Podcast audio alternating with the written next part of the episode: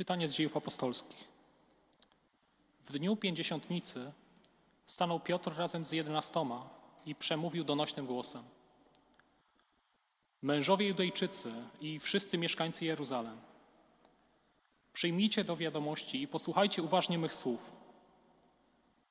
Jezusa Nazarejczyka, męża, którego posłannictwo Bóg potwierdzi wam niezwykłymi czynami, cudami i znakami, jakich Bóg przed, przez niego dokonał wśród was, o czym sami wiecie, tego męża, który z woli, postanowienia i przewidzenia Boga został wydany, przybiliście rękami bezbożnych do krzyża i zabiliście.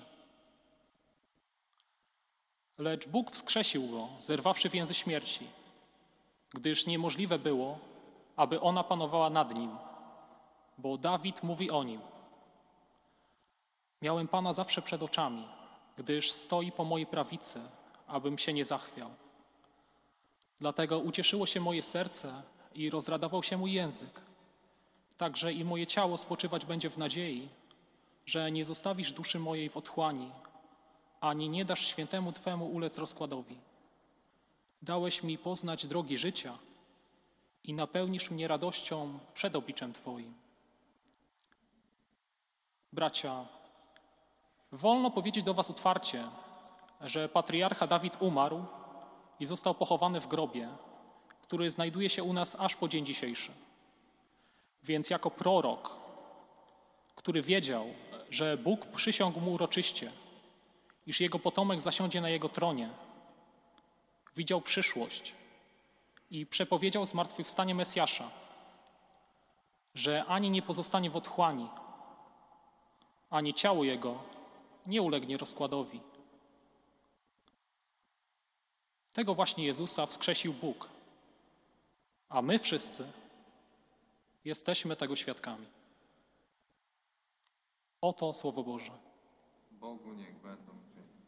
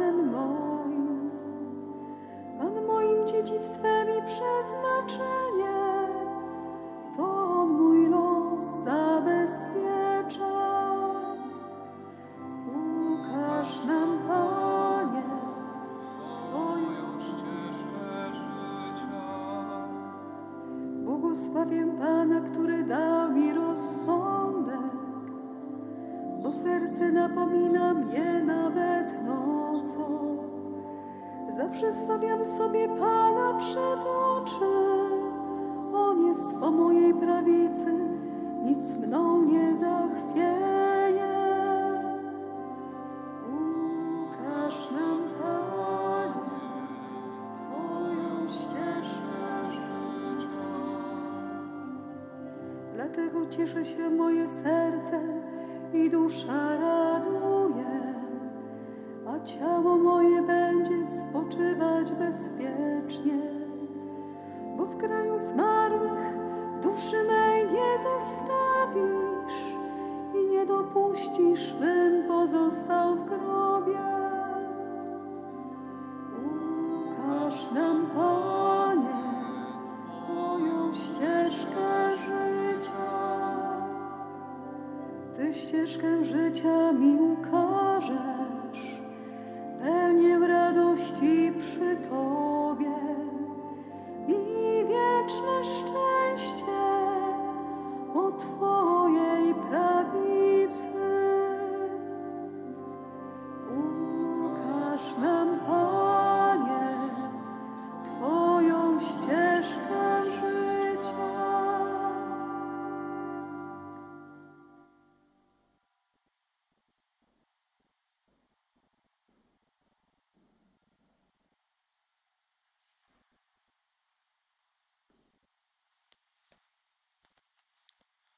Czytanie z pierwszego listu świętego Piotra Apostoła.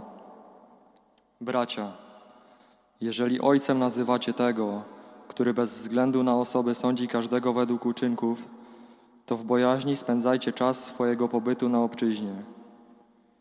Wiecie bowiem, że z odziedziczonego po przodkach waszego złego postępowania zostaliście wykupieni nie czymś przemijającym, srebrem ani lub złotem, ale drogocenną krwią Chrystusa, jako baranka niepokalanego i bez zmazy. On był wprawdzie przewidziany przed stworzeniem świata, dopiero jednak w ostatnich czasach objawił się ze względu na Was. Wy przez Niego uwierzyliście w Boga, który wskrzesił Go z martwych i udzieli Mu chwały, tak, że wiara Wasza i nadzieja są skierowane ku Bogu. Oto Słowo Boże.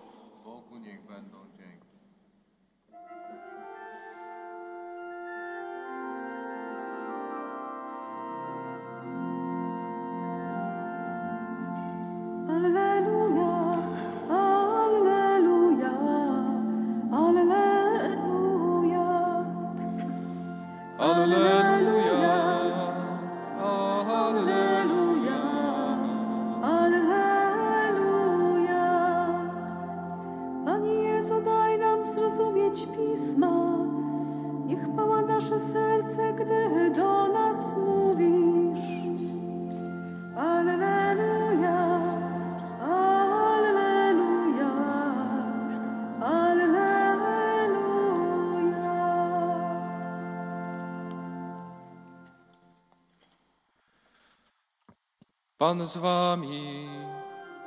I z duchem Twoim. Słowa Ewangelii według świętego Łukasza.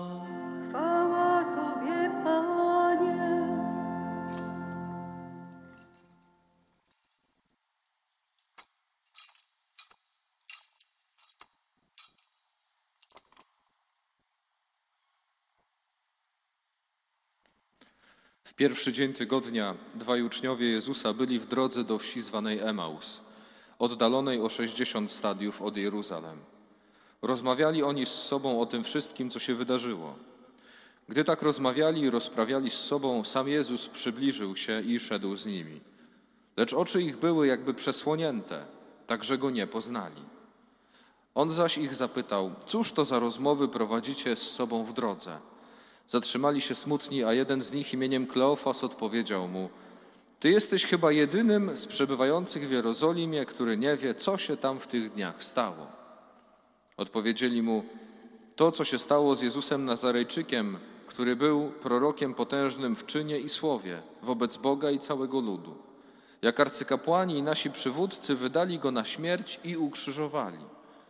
A my spodziewaliśmy się, że on właśnie miał wyzwolić Izraela. Ale potem wszystkim dziś już trzeci dzień, jak się to stało. Nadto jeszcze niektóre z naszych kobiet przeraziły nas. Były rano u grobu, a nie znalazłszy jego ciała, wróciły i opowiedziały, że miały widzenie aniołów, którzy zapewniają, iż on żyje. Poszli niektórzy z naszych do grobu i zastali wszystko tak, jak kobiety opowiadały, ale jego nie widzieli. Na to on rzekł do nich: O nierozumni, jak nieskore są, nieskore są wasze serca do wierzenia we wszystko, co powiedzieli prorocy. Czyż Mesjasz nie miał tego cierpieć, aby wejść do swej chwały?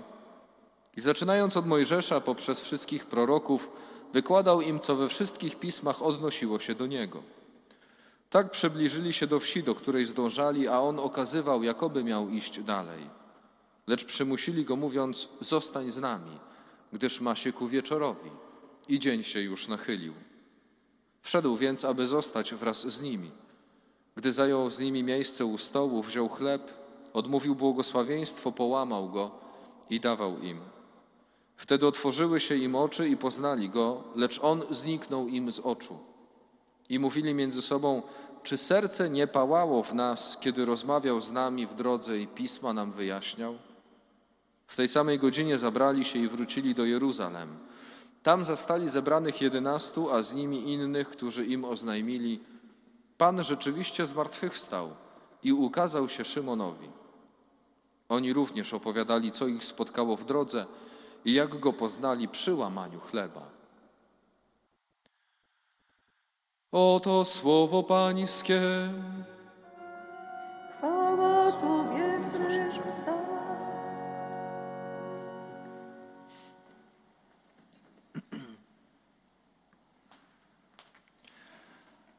Kochane siostry, drodzy bracia, choć nie widzę waszych ust, to oczy wam się śmieją. Dawno takiej niedzieli nie mieliśmy, żeby takie tłumy zawitały do kościoła i to jest nasza radość. I tym się trzeba ucieszyć. Ucieszy się, ucieszyć się też trzeba tym, że, że to słowo do nas mówi tak bardzo konkretnie i daje nam tak naprawdę klucz do rozwiązania dzisiejszych sytuacji. Za chwilę trochę o tym powiem. Jest trzecia niedziela, niedziela biblijna, w tamtym tygodniu niedziela miłosierdzia Bożego, wcześniej niedziela, niedziela zmartwychwstania. I po tej niedzieli zmartwychwstania przewijają się fragmenty Słowa Bożego, kiedy uczniowie rozpoznają Jezusa, kiedy On się im objawia. Niektórzy twierdzą, że Jezus miał więcej problemów z uczniami i więcej niewiary w, u, w, uczniu, w uczniach po zmartwychwstaniu niż przed samym zmartwychwstaniem. Że jak już się dokonało zmartwychwstanie, to oni nie dowierzali, że w ogóle było coś takiego. Zresztą, jeżeli sobie weźmiemy Ewangelię z tamtego tygodnia, z niedzieli, to widzimy Tomasza, który nie był razem z uczniami i kiedy oni mu wszystko opowiadają, to on nie wierzy. Kiedy weźmiemy sobie tę Ewangelię, to nagle mężczyźni mówią, że kobiety sieją przerażenie. No, może czasami tak jest, ale że kobiety sieją przerażenie, bo mówią, że grób jest pusty, sprawdzają to uczniowie, rzeczywiście tak jest, ale Jezusa nie ma. I drodzy, i w końcu uczniowie do Emaus, którzy idą, zobaczcie, ten kierunek jest znamienny, bo zostawiają Jerozolimę, tam gdzie się wszystko działo, zostawiają wspólnotę i idą do Emaus. Niektórzy myślą, że, że to była bardzo długa droga, że tam Jezus im bardzo dużo tłumaczył i potem oni nocą wracają. Wcale nie. Od Jerozolimy do Emaus, tak jak słowo mówi, jest 60 stadiów. To jest 11 kilometrów, mniej więcej. Kto chodził na pielgrzymki, wie o tym, że 11 kilometrów to tak, tak się wciąga, bez problemu. To jest chwila, moment, dwie godziny marszu.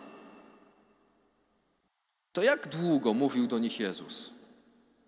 Może dwie godziny, może niecałe dwie godziny, ale nieważne jest to, co, jak długo mówił. Ważne jest to, o czym mówił. Ważne jest to, co mówił. Jeżeli wczytamy się w to Słowo Boże, bo przy słuchaniu może nam to umknąć, to Jezus mówił i wykładał im, co we wszystkich pismach odnosiło się do Niego. Jezus nie mówił im, jak się modlić, jak prowadzić małżeństwo, jak wychowywać swoje dzieci, jak kochać swoją żonę, jak traktować chłopaka czy dziewczynę, czy pomagać ludziom, czy nie. Jezus o tym nie mówił. Jezus im mówił o tym, co się odnosiło do Niego. Tylko do Niego. A co mówią uczniowie? Jak to uczniowie mówią o tym, co się odnosi do nich, nie do Jezusa, co się odnosi do nich. Czyli mówią o tym, że Jezus Nazarejczyk był pojmany, był potężnym prorokiem w czynie i słowie, był pojmany i przez arcykapłanów i uczonych w piśmie przywódców ukrzyżowany. I zobaczcie, jak to tłumaczą. Jezus się do nich dołącza, idzie razem. I w którymś momencie oni stają. To też jest bardzo piękne w tym słowie, że oni przystanęli smutni.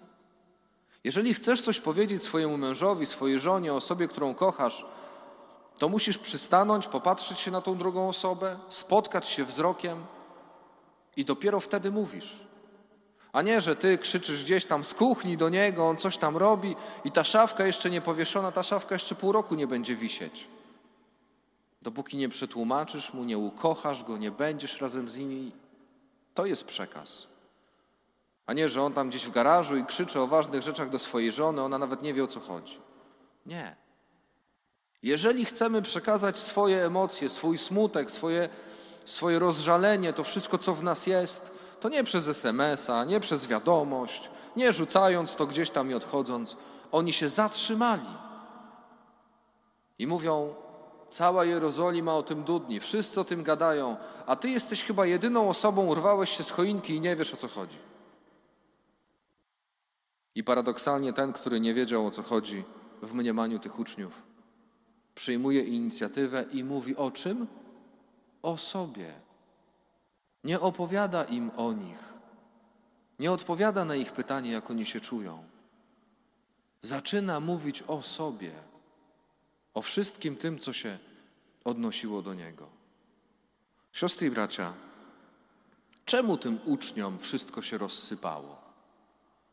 Czemu ci uczniowie poszli do Emaus? Czemu Tomasz nie wierzył?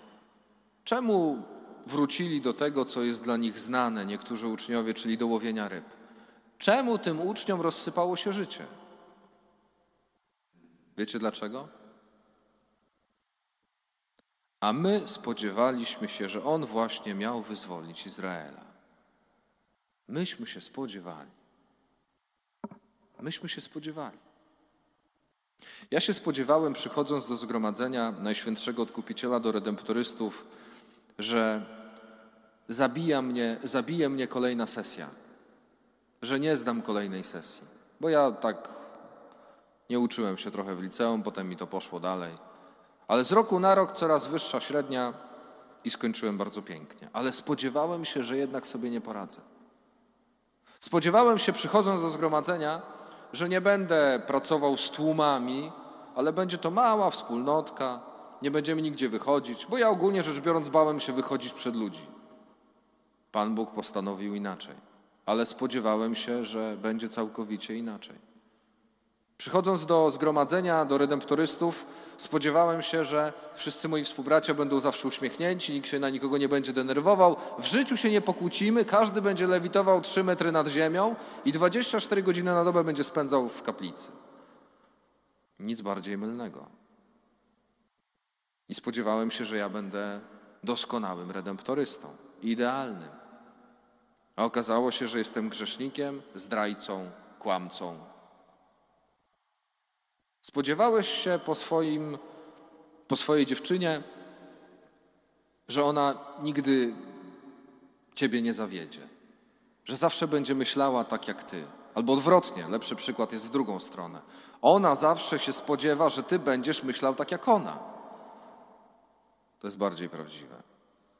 Spodziewamy się po drugiej osobie czegoś i nagle przychodzi jakieś rozczarowanie. A myśmy się spodziewali, że po tym ślubie to po prostu będziemy na rękach noszone albo gwiazdki z nieba, a ona będzie taka. No wcale nie.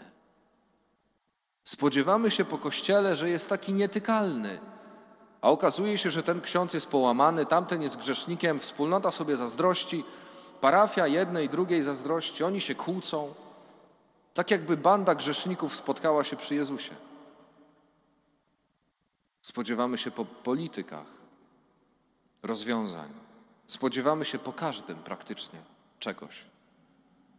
I w momencie, kiedy my budujemy nasze życie na spodziewaniu, na zakładaniu czegoś, ja zakładam, że będzie tak, albo zakładam, że ty masz zrobić tak. Jeżeli my zbudujemy nasze życie na tym, to ono w którymś momencie runie. Tak jak runęło uczniom. Tak jak runęło uczniom. Ono runie. Jaki jest więc klucz? do naszego życia. Jaki jest klucz do sytuacji, którą przeżywamy teraz, kiedy kościoły są zamknięte, kiedy nie są pełne, bo może już nie zamknięte, kiedy jesteśmy w domach, kiedy myślę, że dobrze o tym wiecie, bo żyjecie gdzieś tam w środowisku, dostajemy różne trudne SMS-y, wiadomości, kiedy ludzie wracają do swoich uzależnień, wracają do swoich depresji, do swoich kwasów, rozdrapują z powrotem swoje rany, bo jeżeli człowiek jest zamknięty, jest w jakimś systemie, ktoś mu coś nie pozwala, to zawsze odzywa się w nim gdzieś tam ta jego ciemna strona. Ja wczoraj, przedwczoraj o czwartej rano, z piątku na sobotę, dostałem takiego SMS-a. Ja już tak naprawdę nie wiem, jaka jestem. Myślałam, że jestem blisko Jezusa, a teraz nie umiem się modlić. Myślałam, że moja miłość będzie piękna i czysta, a ciągle uprawiamy seks z chłopakiem, bo nie mamy siły walczyć. Myślałam, że nie będę kłamać, a już sama nie wiem, co to kłamstwo, a co to prawda. My się spodziewamy i zakładamy. I to jest wszystko bez Jezusa. I prędzej czy później, siostry i bracia, to wszystko się roz, rozwali. Po prostu. To po prostu się popsuje. Więc gdzie jest rozwiązanie? Tutaj. To jest rozwiązanie.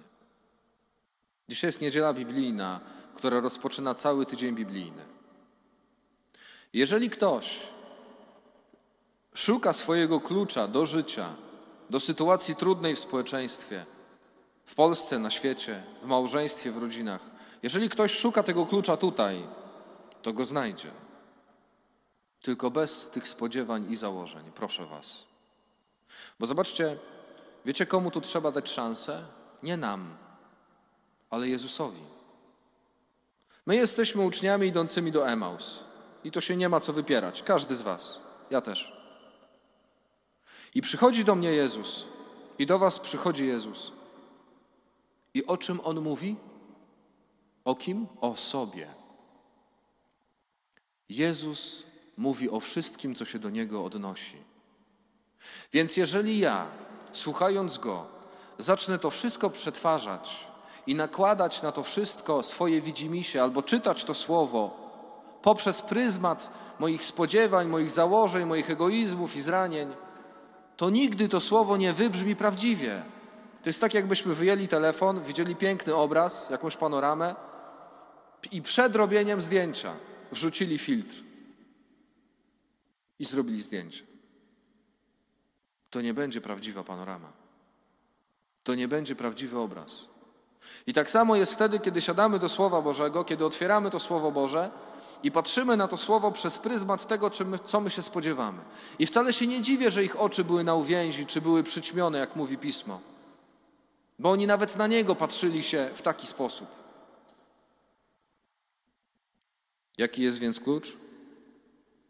Klucz jest taki, żeby codziennie otwierać Słowo Boże i najpierw je czytać, najpierw się nim karmić.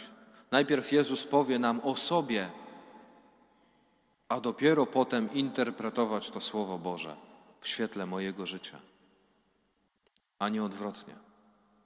Nigdy odwrotnie. Najpierw Słowo, potem ja. Najpierw Jezus, potem moje życie. Siostry i bracia, może warto, jeżeli potraciliśmy ten związek ze Słowem, wrócić do tego Słowa codziennie, chociażby 10 minut, chociażby 15 minut czytania Słowa Bożego. Chwilę, ale proszę Was, dajcie szansę Jezusowi, żeby Wam opowiedział o sobie. Wtedy nie trzeba będzie tłumaczyć, jak kochać żonę, bo przy łamaniu chleba z żoną, przy obiedzie, będziesz wiedział, w jaki sposób ją kochać. Nie będzie trzeba tłumaczyć, jak wychowywać dzieci, bo przy łamaniu chleba z dziećmi będziesz jako rodzic wiedziała, wiedział, jak kochać te dzieci. Nie trzeba będzie tłumaczyć, jak kochać swojego męża, bo przy łamaniu chleba razem ze swoim mężem będziesz wiedziała, jak go kochać. Nie trzeba tłumaczyć, żeby pomagać, żeby wyjść do drugiego człowieka, żeby kochać bardziej, bo przy łamaniu chleba będziesz wiedział, tam jest Jezus. To jest Jezus. I ty go rozpoznasz w tej drugiej osobie. Wtedy, kiedy rozpoznamy Jezusa w Słowie i będziemy według Niego nasze życie prowadzić i Nim się karmić, nikomu nie będzie trzeba tłumaczyć, jak żyć.